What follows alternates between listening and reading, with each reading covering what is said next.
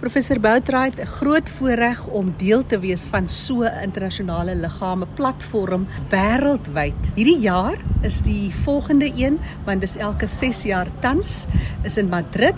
Waar kom die oorsprong van so 'n organisasie? Dit is die grootste kongres van plantkunde wat plaasvind. Dit kom uit die ontwikkeling van veld van plantkunde. Heidiglik word ons nomenklatuur waar ons aan die manier hoe ons plante benoem ook bespreek by hierdie konferensie en dan is dit 'n groot konferensie, 'n paar duisend mense gewoonlik wat dan simposia aanbied en hulle praat dan oor verskeie goed in die plantkunde as 'n breë veld. Die tradisie van hierdie vergaderings is 160 jaar oud. Dit was nie altyd so gereeld nie, maar soos jy sê, die die tradisie en dit is so vasgevang in ons reëlboek ook van uh, plantbenaming dat elke 6 jaar hierdie internasionale kongresse bymekaar geroep word. Dit is eh, 'n uh, gemengde, maar dit is jou groot name partykeer wat ook, jy weet, die aanvang uh, kry by hierdie goed.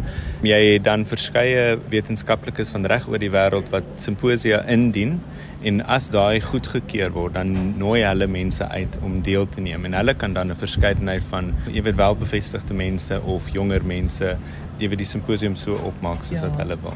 Wat sal jy uitsonder oor die jare het hierdie tipe vergadering beteken vir wêreldbotaniste?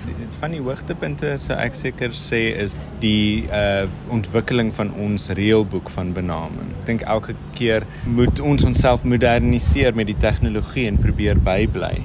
So dit is seker maar die die een van die groot uitkomste daar uit. En dan natuurlik, um, ek seker jou luisterdom het al gehoor van die Acacia debakel en ek dink dit is seker een van die mees interessantste en mees problematiese goed wat al ooit by daai konferensie uh, bespreek is. Nou, ek is seker ras van my luisteraars weet wat weet daarvan, maar kortliks vertel ons die storie. So die uh, acacias is 'n uh, ikoon van um, Afrika plantkunde. Dis nou die doringbome. Ja, die doringbome, die koorsbome en daai en die naam is 'n uh, Afrika naam wat aan 'n Afrika plant vasgelê was. Dis nie 'n natuurlike groep nie en um, die Australiese goed is nie verwant aan ons goeters nie. En uh, so moes dit toe nou opverdeel word. En daar was toe nou 'n uh, 'n voorstel van Australië om die naam acacia vir hulle uh plante te behou deur 'n tegniese proses wat ons het binne in hierdie uh, internasionale kongres. En dit het 'n uh, hele lot uh verwikkelinge toe nou, jy weet, ontkweek, ontkop. Daar was 'n uh, redelike ongelukkigheid van die Afrika en Amerikaanse um, plantkundiges. Die ding moes toe nou teer twee vergaderings gaan. So jy kan dink oor wat 'n lang tydperk daar besprekings was oor hierdie goeters. Op die ouend het ons toe nou so ehm um, besluit op 'n stem dat die Australiese plante die die naam sou behou. Daar's mense wat nie meer wat nog nie gelukkig is daarmee nie, maar hulle kan ook altyd jy weet die alternatiewe klassifikasie volg as hulle ja. wil. Wat beteken dit nou eintlik met name dan verander in Suid-Afrika? Ja, die name het verander. Ehm um, maar mense kan ook by die tradisionele konsep hou. Jy weet as hulle nie die nuwe name wil volg nie, maar vir wetenskaplike korrektheid, vir nomenklatoriese stabiliteit moet ons daai name instel en publiseer. Professor Ben Erik van Wyk van die uh, Universiteit van Johannesburg, wat sê jy rondom hierdie herbenaming? Ja, dit is uh, so dat die uh, Afrika akacias, Afrika doringbome eintlik in twee hoofgroepe verdeel moes word in elk geval. Die een groep is die soedoringgroep met die reguit wit dorings. Dit is vandag staan hulle bekend as Vachelia En dan die ehm um, hak en steek tipe akasias is mos nou die met die krom doringkies wat op die stam versprei is. Hulle staan vandag bekend as Senegalia. Die enigste nostalgie wat ek het rondom die saak is dat ehm um, die verandering het eintlik 52 Afrika lande se literatuur en se literatuurgeskiedenis geïmpakteer terwyl die uh, behoud van akasia vir Australië eintlik net een land beïnvloed het. En sodat daar eintlik volgens my 'n baie groter omwenteling was mm. In die literatuur as wat mense besef het. Jy weet dat die akasia naam kom al uit die Bybel uit. Ja. So daar's 'n baie lang gevestigde geskiedenis rondom die naam akasia en dis hoekom baie mense ongelukkig is. Ek dink 'n mens moet maar ook soms aanpas by die die stroom en maar uh, dit is nie so belangrik wat 'n ding se naam is nie, solank 'n mens maar weet hoe om dit te identifiseer. Ja. Veral vir Jan en San alleman. Jy sê ook te reg ons jy het die keuse om altyd daarna so verwys. Maar dit is belangrik en dit wys so net die tipe verandering wat kan plaasvind op daardie platform.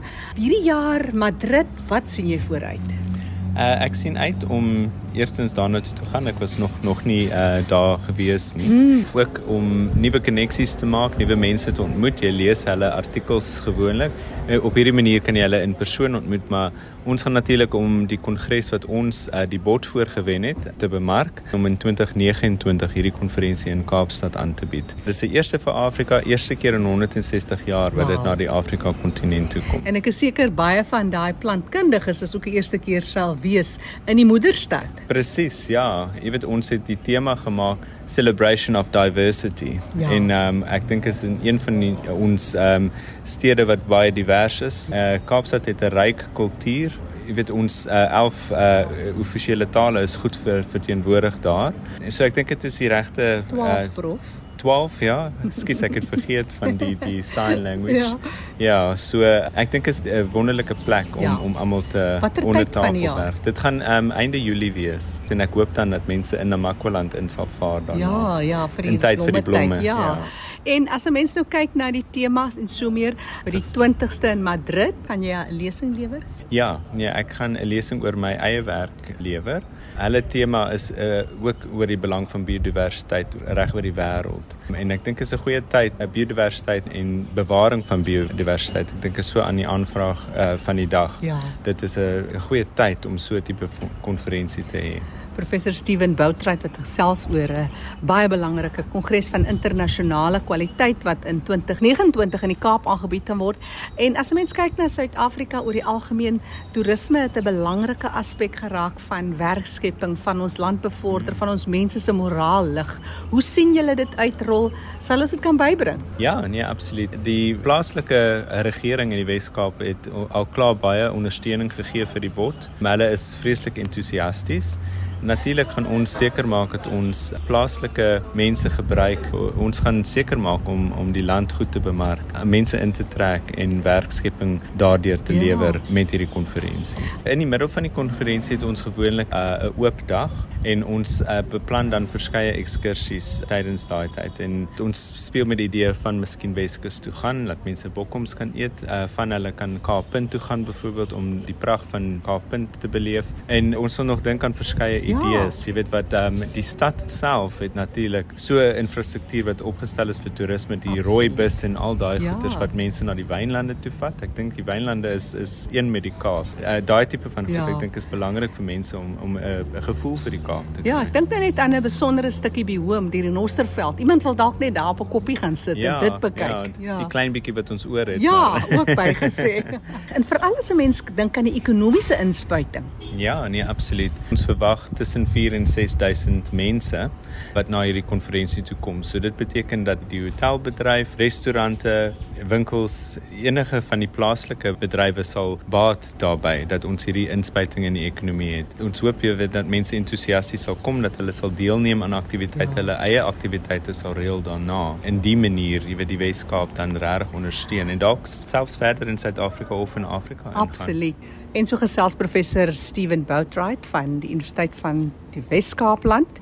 Ek is Jackie January vir RSG. Groete tot 'n volgende keer.